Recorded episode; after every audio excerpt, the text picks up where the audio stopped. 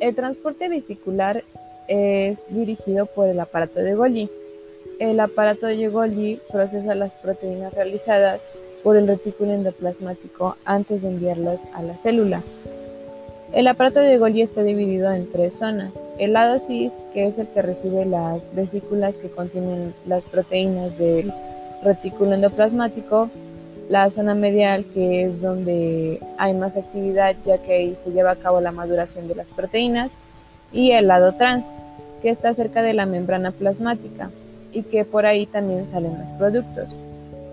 Una vez que ingresa la vesícula eh, en el aparato de, de Golgi, en la zona medial tienen que pasar por ciertas cisternas que contienen diferentes enzimas de modificación.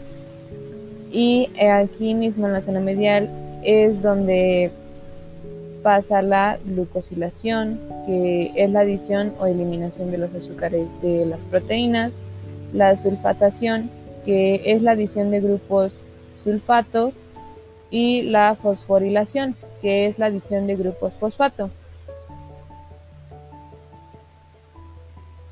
Bueno, hoy en día eh, hay muchas teorías de cómo es que se mueven las proteínas entre las cisternas.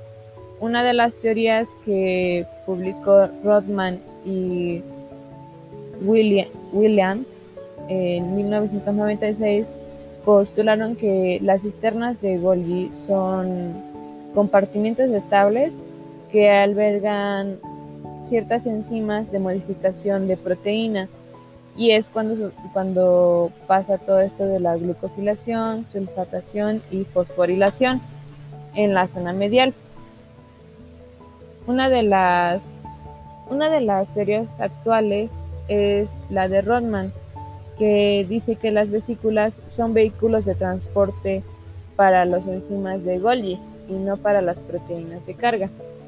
Una vez que estas vesículas pasan por, eh, por la zona medial, eh, pasan por último por la zona trans, que es por donde salen para adherirse a la membrana plasmática.